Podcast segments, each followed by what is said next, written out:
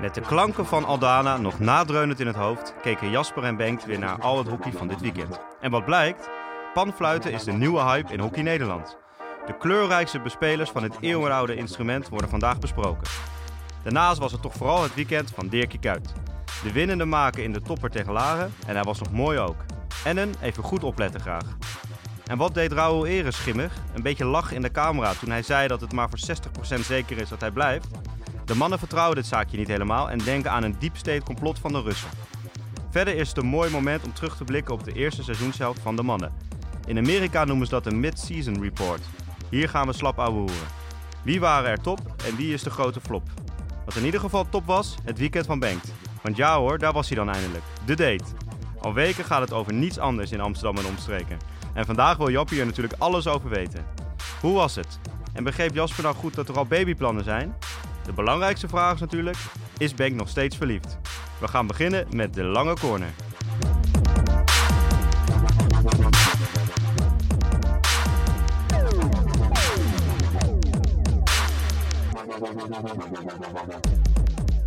Oh, je bent- zo'n ontzettende klootzak, weet je? Voor de luisteraars, Jappie die, eh, die, die probeert... Zal ik hem anders even aftrappen? Dan kun jij nog even... Nee, nee, nee, nee, nee, nee, oh, oh, nee, nee. Jappie probeert, eh, die schrijft elke dinsdagochtend vroeg, als wij eh, eh, in, het, in het koffietentje afspreken, bij Anne en Max, zo heet het koffietentje. Oh, Een beetje reclame. Ja. Een beetje reclame. Dan, dan, dan schrijft hij elke keer de, de intro. en die lees ik altijd even. En dan denk ik, ah, wel een goede intro. En blijkbaar is er in de, het moment dat ik hem heb gelezen vanochtend... tot het moment dat we hier in de studio eh, met Volkert zitten... en die op on-air drukt, toch wel iets veranderd. eh, een paar zinnetjes Een paar zinnetjes ingekomen. Maar het maakt niet uit. Komen we zo wel even op. We beginnen even met jouw weekend. Voordat, eh, voordat jij mij op, het, Ja. op het hakblok zet. Gaan we natuurlijk niet al te lang over praten bij Nee, weekend. maar- precies. Nee, over jouw weekend. Nee, ja, prima weekend eigenlijk wel. Zaterdag was een beetje jammer. Tegen Bloemendaal. Eh, we begonnen eigenlijk weer een beetje te voorzichtig. Hè. De meiden moeten toch nog een beetje wennen dat ze ook in landelijk gewoon eh, tegenstanders eh, pijn kunnen doen, zoals we dat zo mooi noemen. Dus we kwamen eerst 2-0 achter, terugkomen naar 2-2. Een beetje ongelukkig 3-2 verloren. Eerst een klein eh, shootje wat de scheidsrechter miste, wat hij in de Nou, afloop beetje, niet... eh, beetje, beetje ongelukkig verloren. Ik heb vanochtend Ja. bij jou de beelden zitten kijken van de wedstrijd. Ehm, het was allemaal niet zo handig. ik denk dat er een paar mensen bij jou met Bel-Chinees op de tribune hebben gezeten. Nou ja, het was allemaal niet zo handig inderdaad. En, maar ja, dat was jammer. En zondag met, met Cartouche Dames 1 op bezoek bij de koploper Union, die nog niet hadden verloren. Eh, totdat ze ons tegenkwamen. Want nu hebben ze wel verloren. Dus eh 2-1 gewonnen daar. Echt, eh, echt een goede wedstrijd ook. Zeker zelf waren we echt goed. Echt eh, dominant. En eh, het gat wat verkleind. We werden op hockey.nl al de reuze doder genoemd. Zo. Dat vonden we eigenlijk een beetje overdreven, want Union werd wel erg groot gemaakt. Bedoel, natuurlijk hadden ze tot nu toe alles gewonnen, maar weet je, het was niet dat ze nou zo heel bijzonder goed waren. Dus dat was lekker. Dus dat was een mooie, eh, mooie zondag en eh, daar kunnen we mooi op door, eh, doorbouwen. Maar ja, het was me ook een mooi weekend, eh Bengt. Zo. Ik, eh, nou, ik, ik, ben, eh, ik ben 22, maar ik drink de laatste tijd niet meer zoveel. Omdat de, door de... Ja, het is echt heel erg. Maar door de, zeg maar door de week is het gewoon eigenlijk... Als je, als je één keer echt veel gaat drinken nog... dan ben je gewoon de dag daarna gewoon nutteloos. En, en ja, met werk, met, met hockey, met, met dit, met de podcast... en, en met nog mijn vrije tijd is het niet heel erg relaxed... als je dan gewoon een hele dag gewoon ja. Ja. offline bent als het ware voor jezelf Mhm. in je hoofd. Dus ik drink eigenlijk gewoon nauwelijks meer. Denk drie, vier drankjes per, per weekend en dan met TD wel, wel meer. En dan voel ik dat dan ook wel echt de, de maandag daarna. Maar ik had nu op, ehm, op vrijdag had ik iets. En eh, op zaterdag eh, nou, was ik rond zes, half zeven klaar, eh, klaar op de club. En gingen wij met een aantal coaches, eh, die jij ook nog wel kent, eh, gingen wij in, eh, in ons heerlijke stamkroegje 1890. Hm. Dat is net het bos uit naar links. Eh, in het Amsterdamse bos gingen we, gingen we lekker zitten. Mooi hoe je zegt, vrijdag had ik iets. Maar ja, daar kwam eh, zo op wat dat iets was. En, eh, maar tegenwoordig verkopen ze bij 1890, verkopen ze niet meer van die, verkopen ze ook nog wel fluitjes en vaasjes. Maar die ook van die grote pullen. Ah, Dus- was het ook Jacques Brinkman bier? Of dat, eh, nee, het was geen Jacques Brinkman bier. Ja. Eh, dat eh, dat we ook zo meteen nog op. Ja. Maar die, die, die pullen, die kan je ook zo lekker tegen elkaar aan kletsen. ja. Ja, Knallen. dat is lekker, ja. En, dan, en dan heb je echt een gevoel van kameraadschap. Ja. dus in dat geval ging Amstel wel goed. ja. Eh, dus eh, nou, ik ging er om zes uur in en geloof ik rolden we er om twaalf uur, half één uit of zo. Dan worden de tafels aan de kant geschoven volgens mij. Hè? Dan komt... eh, Ja, klopt. Ja, er waren al... zangerines of ja, zo zangerines, optreden? was al Ja. aan het, aan, het, aan het stemmen. Dus ehm, ja, gelukkig is het echt twee minuten fietsen naar huis. Het voelde als Ja. 15 minuten, maar ja, dat... en toen, eh, toen moest ik zaterdagochtend, en ik had al de of zondagochtend, ik had de hele tijd al in mijn hoofd. Er is iets op zondagochtend wat ik moet doen. Er is iets. En ik had, dat, ik had het het hele weekend. Dus ik had het vrijdagavond, ik had het zaterdagochtend, ik had het zaterdagmiddag. En op een of andere manier heb ik ook niet... Maar ik wist ook niet bij wie ik het moest checken of er iets zondagochtend was. En op een gegeven moment appt een teamgenootje van mij... hey, super dat je de wedstrijdtafel wil overnemen. Ik zei, kak. Nee. maar toen was ik al vijf pullen verder. Dus dacht ik, ja, dat maakt ook niet meer zoveel uit. Dus eh, toen ben ik eh, de volgende ochtend eh, half, nou ja, nog redelijk met pils in mijn lichaam proberen me aan te kleden en naar de hockeyclub te gaan. Toen heb ik daar drie uur in, op de in- aan de wedstrijdtafel gezeten. Maar tegenwoordig heeft iedereen een app, dus niemand komt meer naar de wedstrijdtafel toe. Dus je zit letterlijk in de hoek van de clubhuis. Met twee andere teamgenoten en nog wat aanhang zit je daar Ja. voor je uitstaren. Je hebt Ja. een, een uur lang of twee uur lang over iemands werk. En dan, eh, dan word je heel melig. Nee, maar ik vind dit verhaal eh, het is heel interessant hoor. Maar laten we even gewoon tot de kern komen. Vrijdagavond, de date. Ja, ik De- probeer het nog een beetje af te heel, eh, Heel Amsterdam en heel Hurley het al weken over heeft. Hè? Een paar weken geleden was er Hurley TD. Nou, nou, nou. Nou, en uiteindelijk, na een aantal weken heen en weer eh geapp en wat ontwijkend gedrag, is er nu uiteindelijk toch die date ervan gekomen. Vrijdagavond, vertel, wat hebben jullie gedaan? Nou, oké. Jezus. Het is wel- Dit is gewoon een val, hè? Ik zit hier met twee mensen die mij gewoon in een val hebben gelokt. Ja, ja, ja. Maar dat maakt niet uit. Nee, ehm, nee, wij zijn naar de Tonton Club gegaan. Oh ja. in, eh, op het Westgasfabriekterrein. En ehm, voor de mensen die niet weten wat het is, eh, of sowieso niet weten wat het Westgasfabriekterrein is, dat is een soort van een hele hippe scene plek waar al Ja, hip, eh, hippie Amsterdam bij elkaar komt.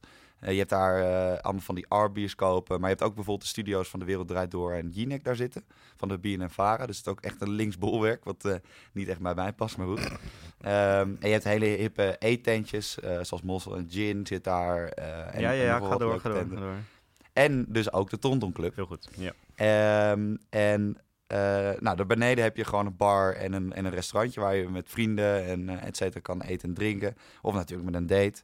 Eh, en boven heb je de arcadehal. Dus Ja. maar waar je, en niet zomaar een arcadehal, maar echt een arcadehal waar je, je kan er wel in je eentje naartoe gaan, maar dat is hartstikke triest. Dus eigenlijk waar je al- overal één tegen één spelletjes kan doen. Om hè, een beetje die competitiveness erin te krijgen. En met grote vriendengroepen is het ook super leuk, want dan kan je bijhouden hè, van wie, wie van wie wint. Maar goed, ik was er dus alleen met haar. Eh, kwam nog een oud hockeyvriendje van ons Nee, tegen. nee, nee. Ga nou gewoon even vertellen hoe het ging. Ehm, ik wist dat vrouwen goed waren in reactiespelletjes. Maar ik heb, denk ik, alle spelletjes verloren. Echt, ik ben compleet Laten van de winnen, laten winnen, mat... zeker. Ja, laten winnen. Ja, dat, dat I wish. Maar ik ben compleet van de mat geveegd Ai, gewoon. ai, ai, ai. Echt helemaal naar de getver gespeeld, om het zo maar te zeggen Ja. in onze podcasttermen. Dus eh, nee, ik ging echt met, eh, ja, met een enorm zelfvertrouwen en, en ook een beetje ego natuurlijk. Een beetje van, eh, weet je zeker wel dat we dit gaan doen? En nee, als je halverwege de avond denkt van, ik sta te veel verlies, is ook niet erg, hè, moet je gewoon even verlies pakken. Nou, ik kon echt na 10 minuten al bijna mijn biezen pakken. Die dacht ook dat ze met een half motorische gek op stap was. Echt, die knoppen spellen, je moet dan op knoppen rammen en punten scoren. Nou, echt alles verloren. Oh, schitterend. Dit is verschrikkelijk. Maar het was wel leuk dus. ja, nee, het was ontzettend gezellig. En eh, wat ik zag, hè, vanochtend, het gaat volgens mij best snel. Vanochtend zag ik al eh, een appje van haar voorbij Ja, ja, je- komen naar jou toe. Met een foto van een kindje. Oh, wat is die schattig, hè? Ik bedoel, eh, gaat het al zo snel? Of, Jij zit ook gewoon op mijn appjes te lezen, dat is het nee, jij zit naast Nou, al wat schattig. ze, ze is nu op reis en ze, ze fotografeerde gewoon een kind wat in het hotel stond. Ja, nee, je weet niet. Ja, Ja. dat is misschien een Laten we dit alsjeblieft afspraken. Ja, één laatste vraag. Laatste vraag, want ik moet het natuurlijk nog wel even stellen. Of je nog steeds, eh, ben je nog steeds verliefd? Goed, eh Jacques Brinkman heeft dus een eigen biermerk. nee, laten we, laten we nog even naar Jackie terug. is goed. Hè. Nee, Jacques die... eh, Jezus. Nee, Jacques die heeft nu naast hockey heeft hij ook nog verstand gekregen van bier, zagen we. Misschien, ja, In of, hij, of hij heeft gewoon naar de podcast vorige week gedacht. Nou, voor mij is er geen toekomst meer in het hockey. Nee, ik ben carrière zo switch, aan de kant switch. gezet. dat is geen eer meer aan te behalen. Laat ik me maar in het bi- bier gaan storten. Wat bezielt zo, slim, wat zo bezielt zo man. maar wat is het eerste waar je aan denkt bij hockey? Ja, is wel bier. Is bier. Dus het is een hele slimme move van, eh, van onze Jacques. Toch? Nou ja, Ja. behalve dat je dan bier moet kopen van Jacques Brinkman en niemand koopt bier van een lul. Dus Ja, als dat bier 10 cent goedkoper is dan het andere bier, dan koopt iedereen denk ik hoor. dat Maar- is wel waar met studenten. Dus, eh, maar Ja. misschien wel een slimme move. Maar goed, met het, eh, met het analistenwerk komt hij ook niet heel veel verder, omdat niemand hem meer wil. Nee. Dus misschien kan hij zich inderdaad beter maar op een bierbusiness gaan, eh, gaan storten. ja. Laten we lekker doorgaan naar de vrouwen, het weekend afsluiten en, eh, en, en het echt over, echt over hockey gaan hebben.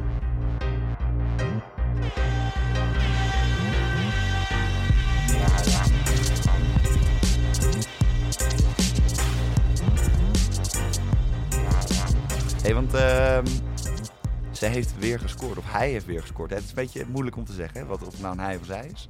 Dirkie Kuyt. Dirkie Kuyt heeft weer Kuyt. gescoord. Ja, de winnende ook nog eens. Hè. Lara, Lara Hurley stond op het programma. Eh, je zou van tevoren denken, met hoe ze nu in vorm zijn de laatste weken, dat Lara dat wel zou winnen. Dat is in ieder geval wat beter voor. En die moesten eigenlijk ook wel een beetje winnen om eh, ja, toch nog in de buurt te blijven van die top 4. Daar komen we zo denk ik nog wel even op ook. Ehm, maar eh, het begon goed voor Hurley. Hè. Die kwamen eerst 1-0 voor. Vervolgens komt, eh komt Laren terug. eh, tot eh 1-1, 2-1 voor zelfs. Maar uiteindelijk won Hurley toch de wedstrijd. Met een hoop geschreeuw en aanmoediging van, van Jorgen eh, konden we ook goed horen trouwens tijdens de samenvatting. Maar de laatste wordt gemaakt door Dirk Kuyt. Was wat ik ook in de intro zei. Het was best een goede goal. Hè. Er wordt overtreding op haar gemaakt. Ze neemt hem snel. Laren staat nog niet echt klaar. Slalomt eigenlijk de cirkel in. Keeper komt uit. Goede schijn. En pusht hem eh, zo links eh erlangs. Dus eh, een mooie goal van haar. En een knappe overwinning ook wel van, van Hurley, vind ik. 3-2. En ook echt wel op, op energie, op vechtlust eh, binnengehaald. Nou, het was ook niet zo moeilijk, want Robert-Jan Kok gaf na afloop een interview Ja. met, de, met de tekst van... eh, eh, er was niemand hier vandaag die was, die was goed. Ja, d- dan is het ook niet zo moeilijk om van Laren te winnen als niemand Nee, goed ja, was. dat, ja, tuurlijk, dat zou best wel kunnen hoor. Dat ze, dat, weet je, en je hebt natuurlijk altijd eh, in een seizoen een paar één of twee of misschien wel meer wedstrijden als je Huis of Groningen bent. Ertussen zitten dat het voor geen meter loopt. Maar ik vond het ook een beetje, een beetje makkelijk. Ze werden gewoon afgetroefd op energie en op vechtlust. Nou ja, dat, dat, dat mogen ze zichzelf aanrekenen. Eh, mag hij zich ook als coach aanrekenen, denk ik. En dan te zeggen, ja, ik vond niemand goed vandaag. denk ik, ja, nou, misschien was je zelf ook wel niet goed dan vandaag. Maar eh, weet je, en eh er stond ook in het stuk over, over Jorgen Nolt. is natuurlijk een ontzettende power-energie-coach, zeg maar. Die, die je goed hoort langs de lijn. En de speelsters kwamen ook in het stukje aan het woord. Die zeiden ook van, ja, weet je, niet iedereen is er altijd evenveel fan van. Hè, sommigen zeggen denk ik van, nou, Jorgen, doe maar even rustig. Sommigen vinden het juist wel lekker, die krijgen er energie van. Maar gisteren, of eh, zondag, heeft het wel echt gewerkt, kun je wel zeggen. En heeft dat ook wel echt voor gezorgd dat ze, dat ze de energie hadden om ook toen ze achterkwamen door te, door te strijden. En eh, nou ja, hebben ze een knappe, knappe overwinning geboekt. Ja, maar we hebben even... Dirk Kuyt had ik natuurlijk aan het begin van het seizoen getipt als het talent van, eh, van dit seizoen voor de, voor de Ja. dames hoofdklasse. Of de Livera hoofdklasse moeten we tegenwoordig zeggen. Ja. Ehm, De ondergoed hoofdklasse. de ondergoed hoofdklasse. Ja. Maar ze maakt het ook wel de laatste tijd best wel waar. Ja, ze is volgens mij op dit moment eigenlijk gewoon de, de, een van de, de sterkere spelers bij, bij Hurley. Zeker aanvallend gezien. Dus even los van wat er Aanvallend gezien is ze veruit de beste. Ja, dus eigenlijk degene die het meest creëert, het meest voor gevaar zorgt. Dus dan ga je misschien toch ook denken van, nou ja, die groep van 45 van Ennen had ze daar misschien niet stiekem toch ook bij gehoord. Ze zit nu nog wel bij Jong Oranje volgens mij, dus het kan ook nog komen, hè. ze is nog jong. Maar het ziet er, eh, ja, het ziet er goed uit, ze is goed bezig. En, eh, en wat ik zei, knap overwinning van Hurley. Ze hebben er daarmee alleen wel voor gezorgd dat eigenlijk de hoofdklasse dames, eh, nou ja, klaar is. Ja, Weet je? Volgens mij eh, kunnen we nu zeggen, het is eigenlijk volgende week hebben ze nog een ronde. En dan winststop en dan nog een aantal wedstrijden. Maar volgens mij kunnen we nu al zeggen, nou, Den Bosch, Oranje-Rood, Amsterdam, Stichtse, ga lekker die play-offs spelen. Ja. Huizen Groningen speelt nog een drieluik over wie er rechtstreeks degradeert. En misschien HDM Bloemendaal nog één wedstrijd wie de nummer 10 wordt en play-outs moet doen. En dan is het seizoen eigenlijk klaar. Want het gat met Laren, nummer 5, is nu zes punten met de nummer 4 Stichtse. Ja, dat ziet Dat eigenlijk uit alsof dat niet meer gaat nee, gebeuren. En nummer meer, 8 eh. Pinoquet staat ook zes punten voor op nummer 9 HDM. Dus ja, dat, eh, de spanning is er wel behoorlijk uit. En dat is wel jammer. Dus dat betreft is het eigenlijk jammer dat Hurley heeft gewonnen. Al wij het natuurlijk altijd leuk vinden als, eh als Hurley wint. Nou, vooral dat Dirkie Kuyt scoort natuurlijk. Ja. Ja, Nou ja, dus dat, dat, dat is wel een beetje zonde. Dus, Ja. en wat, wat, welke wedstrijd vond jij verder nog opvallend? eh? Bij HDM loopt er ook een pamfluitist nu rond. Nee, dat was bij Huizen. Nee, oh wel. Ja, dat was bij Huizen. Dat stuurde mijn broer door. Was dat wel bij Huizen? Ja, daar komen we straks nog wel even. Ah, nee, maar dan wil ik... Nee, dan ga ik, gaan we niet over HDM, dan gaan we over Huizen praten. Oké. Want kijk, Elke Boers heeft natuurlijk vorige week de trend gezet. Ja. En die ging, eh, die ging goed van start. Die had een mooie outfit aan. Een, een beetje hè, capeje eromheen. Ja. Maar deze in één, was... in eh, één kleur. Deze Maar was deze mooi. was met allemaal kleurtjes. Ja, die was echt, ehm, eh, echt een Boliviaanse, uh, Peru, eh, Peruviaanse eh, panfluitiste, ja. Nou, dat was echt niet normaal. Die, Ja. die had zich helemaal gewikkeld. Ja, je ziet het aanslaan, hè. Mijn broer eh, was vroeger natuurlijk coach bij huis, wat we wel eens verteld hebben hier. En die stuurde mij een appje door. eh, die was op tv aan het kijken. Den Boshuizen was op, eh was op Ziggo Sport. En die stuurde mij een foto door van, kijk, eh, hier gebeurt het ook. Dat was eh Mirte Jansen, volgens mij. Een kleine, snelle, snelle speler van, eh, van Huizen. En die zat inderdaad met dat gekleurde ding eh, op, de, op de bank. Dus het lijkt een beetje een trend te gaan worden. En eh, nu we het toch over Den Bosch Huis hebben, hè, wat eigenlijk het opvallend was aan die wedstrijd, want Den Bosch won die wedstrijd en dat ging eigenlijk vrij, eenvoudig. En het was dan, eh, weet je, het was 2-0, 3-0. Ik weet het niet 3-0. eens meer. 3-0. En 3-0. Nou, Den Bosch had eigenlijk na afloop zoiets van, nou, eh, weet je, we waren niet zo tevreden, we hadden het beter moeten doen. En de Huizen dacht, nou, we hebben toch nog aardig meegedaan. Nou, niks verrassends. Totdat een interview met Rauw Ere kwam op Ziggo Sport, de coach van Den Bosch, die daar al 10 jaar coach is. eh, en, En, daar daarvoor ook, nog vijf jaar assistent. En, ja, en in die 15 jaar 18 keer kampioen is geworden. Dat is heel knap, maar het is hem, het is hem gelukt. Met het vogelgriepvirus. Maar die, eh, zijn contract loopt af na dit seizoen. En het was de vraag, weet je wat je gaat doen? En toen zei hij, nou ja, de winststop is altijd een goed moment om erover na te denken en zo. Ook nog niet heel schokkend, hij liet een klein gaatje al. En gelukkig vroeg, eh, vroeg de, de, de, de interviewer daar goed op door. En die vroeg op een gegeven moment, welke, hoe groot acht je nu de kans dat je blijft? Nou, dat was 60%. En het is nog steeds eh, hè, meer dan 50. Dus een grotere kans dat hij blijft dan dat hij niet blijft. Maar 40% kans dat hij niet blijft, is natuurlijk ook best groot. Dus daar dook meteen iedereen op. En van, gaat Rauwe Heren weg? En eh, wat gaat hij dan doen? En wie moet Den Bos dan, eh, dan aannemen? Allemaal goede vragen natuurlijk. Maar ik vertrouwde het eigenlijk niet zo. Mijn eerste reactie was ook van, oh, opvallend. En wie zou dat dan gaan doen? Ging ik meteen denken. Maar hij zat er zo een beetje bij te lachen. En hij keek zo een beetje... Dat is een beetje geniepig, hè? Ja, een beetje geniepig in de camera. En volgens mij, eh, eh, eerst dacht ik van, nou, hij zit gewoon een beetje interessant te doen. En eh, weet je, het is zo'n soort vast iets dat hij er altijd zit, dat daar helemaal geen aandacht meer voor is. En hij wil gewoon even, misschien die aandacht hebben, dat iedereen zegt, oh, je moet blijven, want je bent zo goed. En weet ik het allemaal. Maar toen dacht ik, nee, volgens mij is hier wat anders aan de hand. Ehm, dat hij misschien wel, eh, want hè, Allison N is bij Oranje.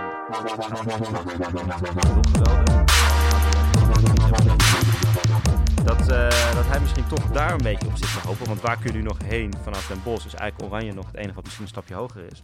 En dat hij misschien nog hoopt van, nou, als ik hier nou een beetje ruimte laat, dan gaat misschien iemand van de bond mij een beetje hè, via, via polsen. En dan kan ik misschien opvolger van Ennen worden. Ja.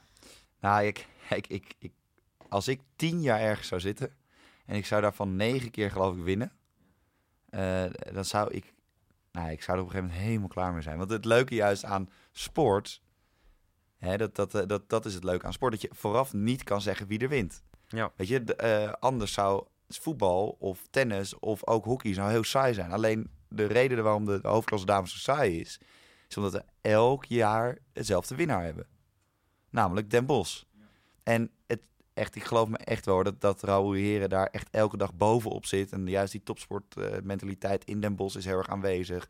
Hè, dat al die vrouwen gewoon net iets gekker ook zijn dan de rest van de hoofdklasse. Ze duiken voor ballen waar normaal niemand zich aan zou branden. Ze lopen, hè, ze lopen zich helemaal de touwtyfus. Alleen, ik denk dat ik na 15 jaar met, met die dames, dat, dat het elke keer weer volle bak erop is. En maar je wint altijd. Dat het wel een beetje saai begint te worden. Nou ja, dat wat, je die uit, ja. ik denk dat je op een gegeven moment ook die uitdaging mist. Dat je het wel hebt gezien. Ja, dat zou ik me goed voor kunnen stellen, ja. Nou ja, dat is ook wat ik ook al tegen jou vanochtend zei. Ik, ik heb eigenlijk ook geen idee hebben wie het dan zou moeten worden. Dus toen dacht ik eigenlijk, volgens mij is dat het toch ook niet, wat ik zei van Oranje. hè. Ik heb er lang, als je merkt het ook, ik heb er lang over nagedacht. Ja, je hebt er heel Slecht lang van geslapen vannacht. na- Ja, heel slecht. Maar eh, en toen dacht ik, nou... en dus- je ziet er ook uit alsof je slecht hebt geslapen. Ja, zeker. Wat is vroeg. Maar wat het ook nog zou kunnen zijn, is dat... ehm, we hebben het ook aan het begin van het seizoen al gehad over van... Nou, wie gaat de kampioen worden? Ik zei Den Bosch. Zei, je, nou, wat flauw. eh, ik kies voor wat anders, Stichtse. Maar eigenlijk wist jij ook al, het wordt gewoon Den Bosch. En alles wijst er nu ook op dat het gewoon weer Den Bosch gaat worden. Staan nu ook eh, gewoon een heel goed hokje. Staan bovenaan, nog zonder Liederwij Welt en Marloes Ketels. Dus nou, weet je, alles wijst daar weer op. Dus Stichtse moet iets bedenken. Om, eh, om daar iets aan te gaan doen. Nou, eh, heb ik vernomen dat er in het bestuur van Stichtse mensen zitten die eh, in de oliewereld werkzaam zijn. Nou, waar komt er wel eens olie vandaan? Uit Rusland. Dus dan heb je al snel link gelegd met de Russen. Ah. Dus wat ik denk, Stichtse is een, eh, is een campagne begonnen om dat, eh, die trein van Den Bosch een beetje te ontregelen. Dus die hebben contact gezocht met de Russen, met de, met de hè, GROE, hè, vind Groes, het zeggen een enorm moeilijke geheime complottheorie. de oude KGB. Volkert is ook al aan het gapen. Ja, nee, luister, luister. Je gaat hem zo snappen. Met de KGB. Eh, ik vermoed zelfs dat Poetin hier persoonlijk bij betrokken is. Maar dat kan ik nog niet hard maken. Dan moet ik nog even mijn vrienden van Bellingcat voor, eh, voor eh, polsen. Maar dat ze die hebben gevraagd om daar de boel te gaan ontregelen. Dus die hebben een paar special agents zijn eh, met Raoul Ere gaan praten. Hebben waarschijnlijk iets gevonden. Hè, misschien is die vreemd gegaan of heeft iets anders gedaan waarmee ze hem kunnen chanteren. Daarmee hebben ze hem geturnd. Dus hij is nu een Russische asset geworden. Asset, ja.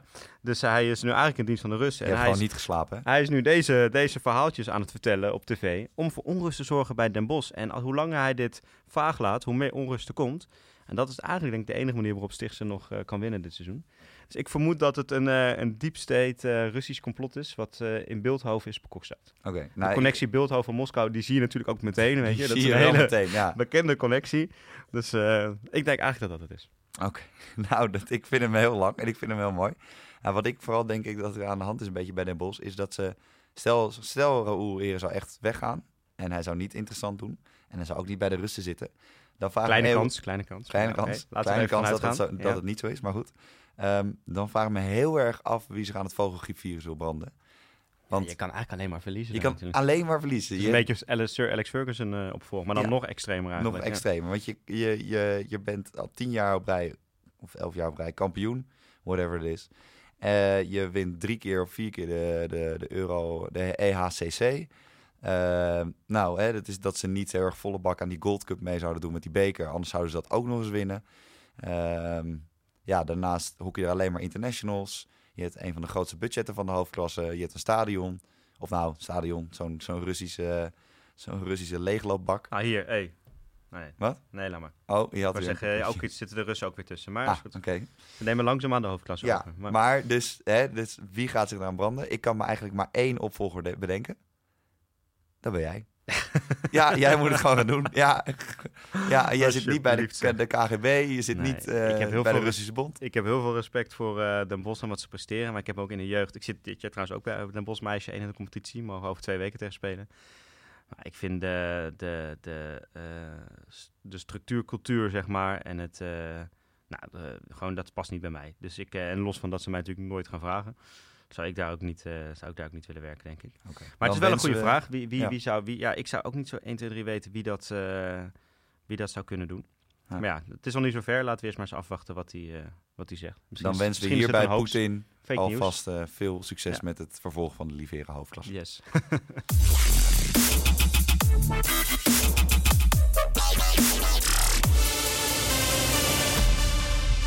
Laten we gaan terugblikken op de mannen. Want die zijn natuurlijk al een, eh, een aantal, twee weekjes gestopt nu. Ja, dit was het tweede weekend dat ja, ze niet speelden. tweede weekend dat Ja. ze zijn gestopt. En de Maar we- vrouwen hebben natuurlijk nog een weekend. Maar we, en vorige week moesten we natuurlijk over de WK-selectie hebben. Dus Precies. dit is eigenlijk wel een mooi moment om even terug te blikken op de, de eerste seizoenshelft van de ja, mannen inderdaad. zoals jij het als mooi zei, hè, in andere sporten in Amerika heet het de mid-season report. Yes. En eh, dat gaan wij nu ook eigenlijk even doen. Want eh, we, hebben, we pakken er even een paar ploegjes uit die ons gewoon opvielen. Die we natuurlijk al een paar keer hebben besproken. Ja. Hè, we, beginnen eigenlijk met, de met de hippe pet en de negen aanvallers en de eerste één verdediger. Het klinkt bijna als een sprookje. ja, de negen aanvallers en Floris van der Linden. En Floris van der Linden. Ja. En de hippe pet van Paul. Ja. HGC. Dat Ja. was me... Nou, ik, ik ben aan de enige wedstrijd ge- geweest waarin ze niet aanvallend aan het spelen waren. Dus dat was ook wel heel erg grappig. Toen op Bloemendaal een paar weken geleden. Ehm, maar voor de rest was dat wel echt eh, een leuk zootje bij elkaar. En dat, dat, voelt het ook. Het voelt een beetje als een zootje bij elkaar. Of niet? Ja, weet je, we hebben ze inderdaad ook omschreven als een van de teams die, eh, die in positieve zin zijn opgevallen, inderdaad.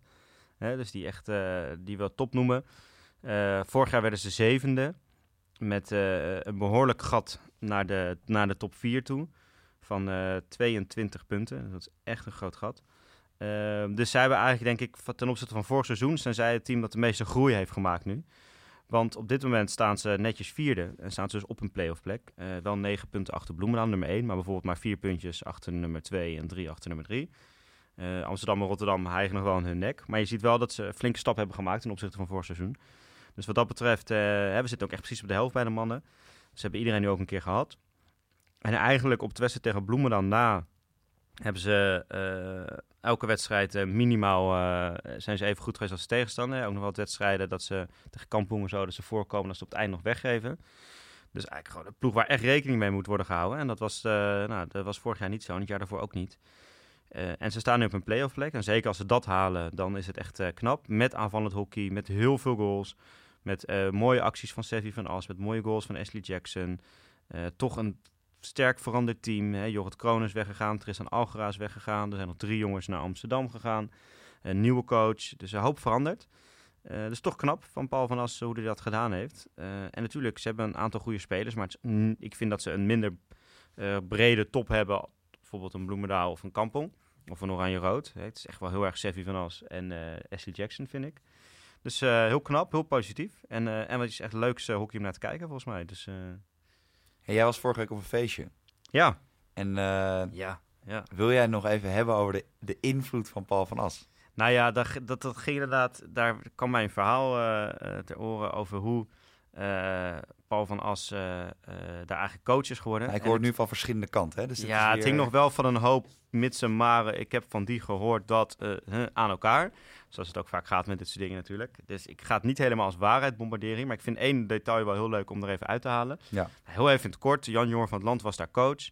er was een groep. Ik zal daarbij geen namen noemen, want dat heb ik allemaal niet bevestigd gekregen groep waarbij eigenlijk vooral één speler belangrijk was. Die om wat vrede dan ook eigenlijk vond dat Jan Jongen van het land maar weg moest. Um, dus die heeft een beetje zitten stoken bij het bestuur en dingen zo. En, en daardoor is het bestuur met Jan Jongen van het land in gesprek gegaan. En van nou, evalueren. En uh, toen kreeg Jan Jongen van het land als snel het idee van... hey, volgens mij is er iets aan de hand. Dus die zei, uh, vinden jullie mij niet goed? En waarom dan? Nou, dat komt het bestuur eigenlijk niet uitleggen. Want ze hadden ook alleen maar een paar klagende spelers op, over de vloer gehad. Dus toen heeft hij op een gegeven moment gezegd... weet je jongens, ik, ik, hoor, ik merk het al aan alles, laat maar gaan ik, ik hou de eer mezelf. Na dit seizoen ben ik weg. Um, nou, een aantal spelers waren daar ook niet zo blij mee dat dat zo op die manier gebeurde. En dat zijn niet toevallig volgens mij ook een aantal jongens die nu weg zijn bij HGC. Maar in ieder geval, toen, is de, uh, toen was natuurlijk de zoektocht naar een nieuwe coach. Nou, Paul van As loopt daar natuurlijk, ook al doet hij daar niet actief, deed hij niet actief daar iets vorig jaar, loopt daar natuurlijk altijd rond. Het is echt zijn club. En de hele familie van As is daar volgens mij uh, direct bij betrokken. Um, dus nou ja, die ging zich daar een beetje mee bemoeien. En die ging, Bram Lohman zit daar in de tophockeycommissie, de Oud International. Dus Paul van As ging hem een beetje helpen met een nieuwe coach vinden. En wat voor soort spelers ze dan moesten gaan aantrekken. Want ze wisten natuurlijk al dat een aantal jongens weggingen. Nou ja, en eigenlijk naarmate dat verder ging, kwam hij er steeds dichter bij betrokken. En was eigenlijk een beetje het verhaal dat uh, Paul zei van, nou weet je, die en die speler, die zijn heel goed. Die kan ik wel voor je binnenhalen. Maar die zijn heel benieuwd wie er dan de coach gaat worden. Nou, je voelt hem al aankomen. Dat, die spelers zijn natuurlijk. Paul van As moet de coach worden. Dus hij was zichzelf er een beetje aan het uh, tussenfietsen volgens mij. Het voordeel voor HGC is ook dat hij het uh, pro bono doet, begreep ik. Hij heeft uh, zoveel ja, geld dat hij, dat hij... Daar heeft ook nog een leuke anekdote over. Maar dat hij... Die bewaren voor de volgende keer. Ik weet al welke je gaat zeggen, maar... Nou ja, andere kant, nu hebben we het erover. toen Paul van As nou. bondscoach was bij Oranje toen uh, had hij op een gegeven moment waren ze aan het trainen en dan kregen ze van de bond een paar doosjes uh, koeka's. Hè. Dat zijn de, de mooiste, beste, beste ballen. Dat kost 25 euro per stuk. Ja, hij had een paar doosjes, maar ja, dat vonden ze natuurlijk eigenlijk te weinig om mee te trainen. Dus hij belde een maatje van hem die uh, in die dingen handelde. En die zei, hoeveel heb je er nog in je lood staan? Nou, dat waren er 500. Zo. Nou, kom maar brengen. En Paul van As heeft dat persoonlijk afgerekend en nooit een factuurtje naar de bond gestuurd. Want dat was allemaal maar ingewikkeld en het duurde allemaal maar lang. Dus hij had ze zelf maar even betaald. Maar in ieder geval, dus ja, hij was er al een beetje tussen aan het werken. Maar nu ja. komen we bij het mooiste detail. En dat heb ik nu wel van meerdere kanten gehoord. Dus ik ga ervan uit dat dat wel waar is. Uh, ja. De man natuurlijk. Uh, eigenlijk de twee belangrijkste spelers die zijn gekomen zijn Seffi van As en Essie Jackson. Nou, Seffi is zijn zoon. Ja, als je Paul van As als coach aanstelt, dan weet je dat de kans groot is dat Seffi komt. Dus dat is Paco en Paul zijn voordeel. De tweede was Essie Jackson. En die kent Paul uh, ook goed natuurlijk. Uh, dus toen was het de vraag, hoe gaan we Ashley Jackson binnenkrijgen? Nou, Paul zei, ik kan het wel regelen. Maar ook Ashley is benieuwd. Wie wordt dan de coach? Nou ja, op een gegeven moment heeft hij dus bij de laatste wedstrijd van HGC, van het vorige seizoen, de laatste thuiswedstrijd, heeft Paul van As langs het hek gestaan met Ashley Jackson naast zich. En is hij bij dat deurtje gestaan waar het hek op, waar het veld op kan. En is hij alle spelers die het veld op gingen de hand gegeven. Hey, succes vandaag, succes vandaag. Met Ashley Jackson naast zich. Dus zodat iedereen kon zien, jongens, als we Paul halen, dan hebben we ook Ashley Jackson.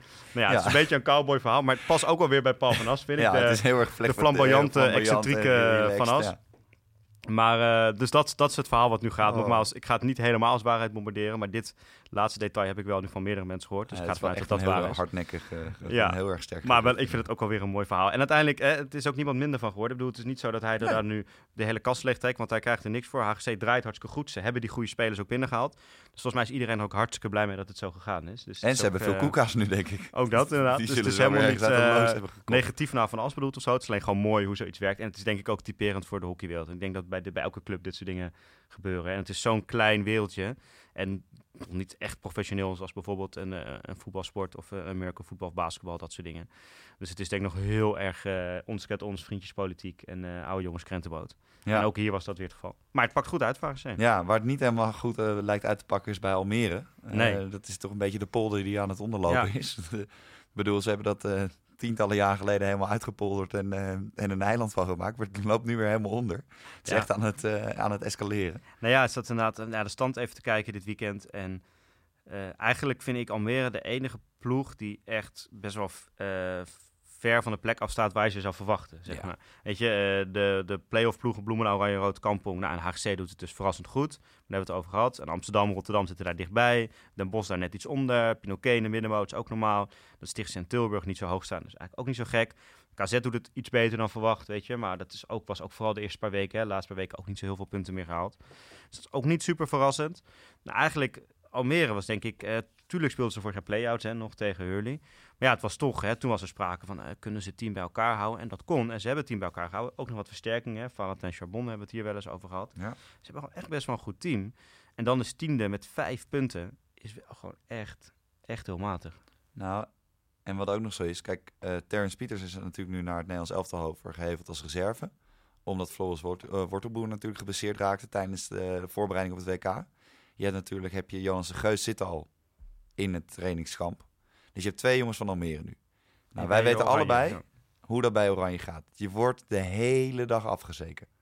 Door Billy Bakker, door Verga, door, door Sander de Wijn. Weet je, die, die allemaal bij grote clubs spelen waar alles uh, wordt gewonnen. En waar ze echt om de play-off plaatsen. En dan komen er twee jongens van, uh, van Almere, waar ze natuurlijk wel een beetje respect voor hebben. Um, maar die, gaan, die worden natuurlijk de hele, de hele trainingstage lang gefukt. Weet je, en, en dat gaat toch eh, ergens gaat het toch aan je knagen, denk ik, ook als speler. Weet je, dat je, ja. dat je één na laatste, twee na laatste staat. Dat je, dat je er niet lekker in zit. Uh, hè, dat, dat er in de pers veel over je wordt geschreven. Dat het allemaal wel meevalt hoe goed je team is. Uh, en dan kom je in een, in een omgeving waar iedereen eigenlijk gewend is om elk jaar op de prijs te spelen. En ik vind het heel mooi dat ze daar heel lang zijn gebleven, Pieters en, uh, en Jonas Geus. Maar ik denk na dit jaar, los ervan of Almere wel of niet in de hoofdklasse blijft. En vorig jaar was dat nog echt een vraag hè, voor Pieters en Jonas de Geus. Want als ze in de hoofdklasse zouden blijven, zouden ze echt blijven. Ja. Nou, dat hebben ze ook inderdaad gedaan. En daar, zijn, daar mag je heel veel respect voor hebben. Maar dat is dit seizoen niet genoeg, denk ik. Nee, ik denk dat, dat is dit seizoen uh, niet genoeg. Echt de tweede seizoen zelf daar heel erg veel invloed op gaat hebben. In ja. hoeverre ze niet nu al misschien, hè, waar we net ook al bij, bij, bij Paul van Assen over hadden, ze zal vast nu al wat appverkeer zijn. Of soms een koffietje gaan drinken met iemand van Kampong of Bloemendaal. Of, dat zal vast allemaal wel gebeuren. En uh, het is volgens mij zijn ze inderdaad ook gebleven van ook hè, clubtrouw blijven, maar ook van we willen hebben het idee dat we met deze groep een keer echt wat moois neer kunnen zetten, zeg maar. Ja. En dat is misschien niet meteen een playoff plek, maar wel echt, weet je, eh, gaan stunten, een keer thuis van Kampong winnen, een keer thuis van Bloemendaal winnen, weet je, dat soort uh, dingen doen. En dat valt gewoon heel erg tegen. Dus als dat tweede seizoen zelf ook niet gebeurt, dan hebben zij eigenlijk ook zoiets van, ja, weet je, dit is gewoon onze, dit is het plafond van Almere. Ja. Maar ons eigen plafond ligt echt nog wel even een stukje hoger. En om interessant te blijven voor Oranje, uh, moeten wij toch door. Want dat krijg je ook, hè. Weet je, dat is hetzelfde wat je eigenlijk net zegt, wat op zo'n, in zo'n groep gebeurt. Wat, hè, waarom heel veel jeugdspelers overstappen. Dat wat vaak bij, uh, bij districtsteams en Nederlands teams gebeurt. Als jij daar bij een klein clubje zit, wel, je zit nog bij uh, de Kraaien of bij de Kikkers, maar je zit wel in het district. En daar lopen de jongens van Hurley, Amsterdam, Pinoquet. Oh, de Kikkers, jullie spelen niet eens de hoogste pool. En uh, waar waren jullie dan in de zaal? En weet ik het allemaal. Ja.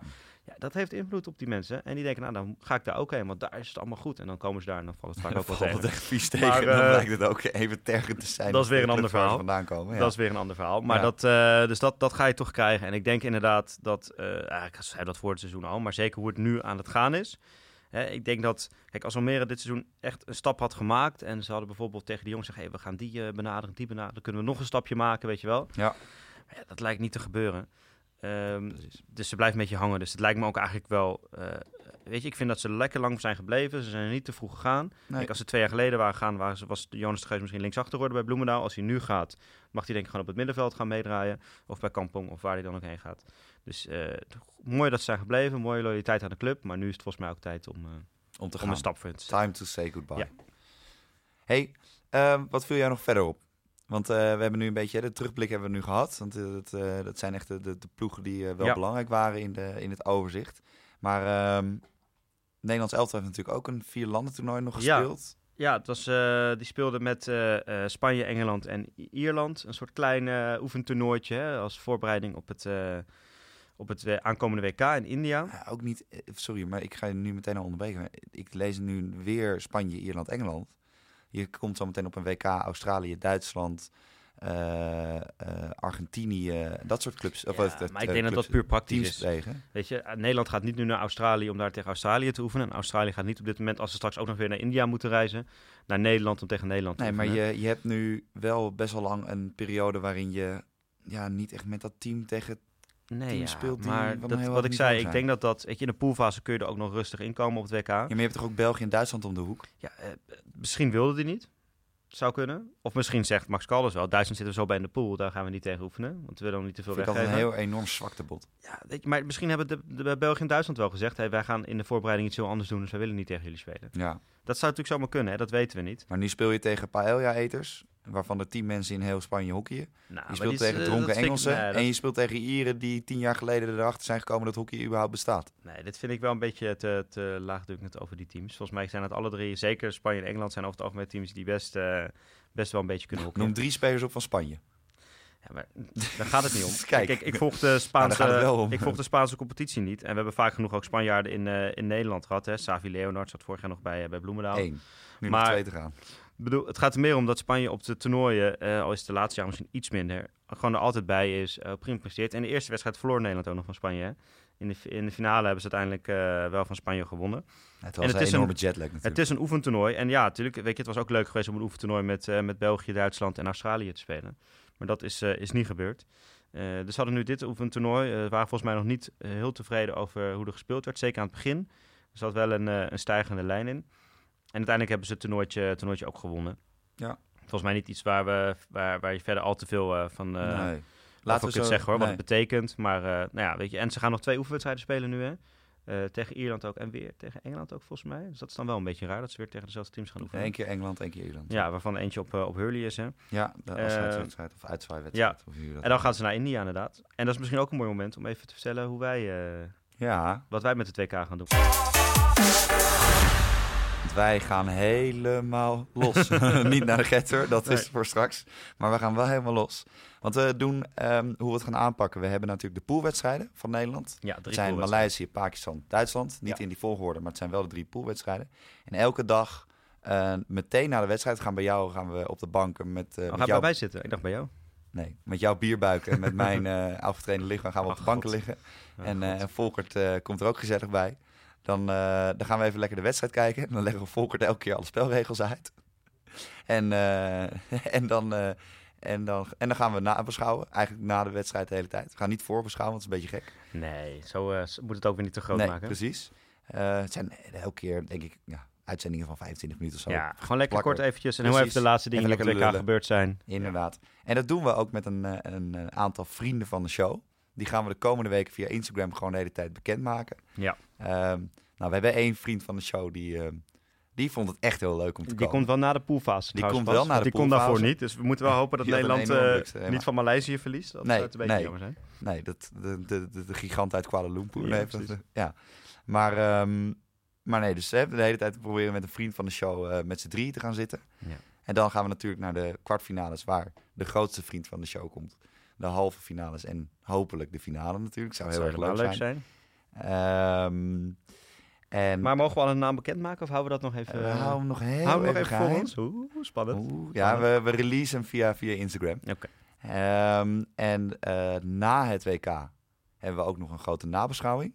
Die Ja. doen we hopelijk Nou, laten we dat nog even onder voorbehoud met ook een grote vriend van de Ja. show. Letterlijk en figuurlijk. Ja. Ehm, en eh, als voorbeschouwing op het WK hebben we ook nog iemand op de planning staan. Maar hou gewoon vol de komende tijd Instagram in de Ja. gaten. Dan gaan we hem allemaal releasen. En we zullen ook nog volgende week in de podcast eh, er ook nog Ja. even eh, uitgebreid bij stil gaan volgende staan. week is de laatste speelronde voor de vrouwen. Hè? En Dan Ook. kunnen we ook gaan nabeschouwen op eh, die superspannende, razende, geweldige eerste seizoen zelf. Ja. Dus dat wordt een podcast van vijf minuten, denk ik. Ja, Maar dan gaan we ook nog uitgebreid even uitleggen wat... eh, misschien hebben we dan nog meer nieuws inderdaad rondom de, de gasten en, eh, Nee. en het WK. Dus we hebben voor de lange corner de komende tijd veel dingen op de planning staan. Ehm, Ja. Maar dat brengt ons wel helaas aan het einde weer van vandaag. Ehm, hè? Eh, want dit was het wel weer voor Zijn er deze weer doorheen gevlogen, Bengt. We zijn er echt weer doorheen gevlogen. Ehm, nou, vergeet je uiteraard niet te abonneren. Maar dat heb jij natuurlijk al gedaan. En Volkert hopelijk ook op de podcast. Eh, hè, dat kan via iTunes. eh, en laat dan ook even een sterrenrating achter. En Dat uiteraard even gedaan schrijven trouwens, een sterrenrating. Ik weet dat jij dat wel hebt gedaan, een sterrenrating. Maar ik vind het dan toch een beetje raar om mijn eigen podcast een sterrenrating te gaan geven. Nou, kom op. Dus misschien moet, maar misschien moet ik het ook Groenteboer maar moet zijn eigen bananen verkopen, jongen. Dat is waar. Ehm, en voor de niet-Apple mensen, de Lange Corner is ook te vinden via de Android-apps als Pocketcast en Spotify. Die uiteraard ook via de Apple-platformen te vinden zijn. Mhm. En volg ons ook op Instagram en Twitter, de Lange Corner. En we en- sluiten af vandaag. eh, met Nee, een, wacht. eh, Oh, oké. Nee, je houdt nog even vast. Houd nog even vast. En stuur vooral je vragen in, want ik wil gewoon mijn riedeltje afmaken. En eh, voor de rest ook gewoon dank naar Dag en Nacht Media voor het eh, ter beschikking stellen van de studio. Ja. En een hele dikke duim naar Volkert. eh, die we de komende tijd met onze hockeypraat eh, blijven vasthouden. Ehm, en nu zouden we eigenlijk helemaal naar de Getver gaan. En dat gaan we uiteindelijk, uiteindelijk zondag, Cartouche ook. Day. Cartouche. Ja, zondag. Oké, dan moet ik even in mijn agenda gaan zetten. Ja. Dan gaan we inderdaad helemaal naar de Getver. Alleen, we gaan er wel uit met een tribute naar onze grootste vriendin van de show. Onze grote onze held. sterspeelster, onze matador, Dirk Kuyt. Maar dan met een big thanks vanuit Liverpool. Yes. Dirkie Kuyt, we gaan helemaal naar de Getver. Shout, shout, that's what we shout. you score the goals, we can do without the count. I'm singing to you.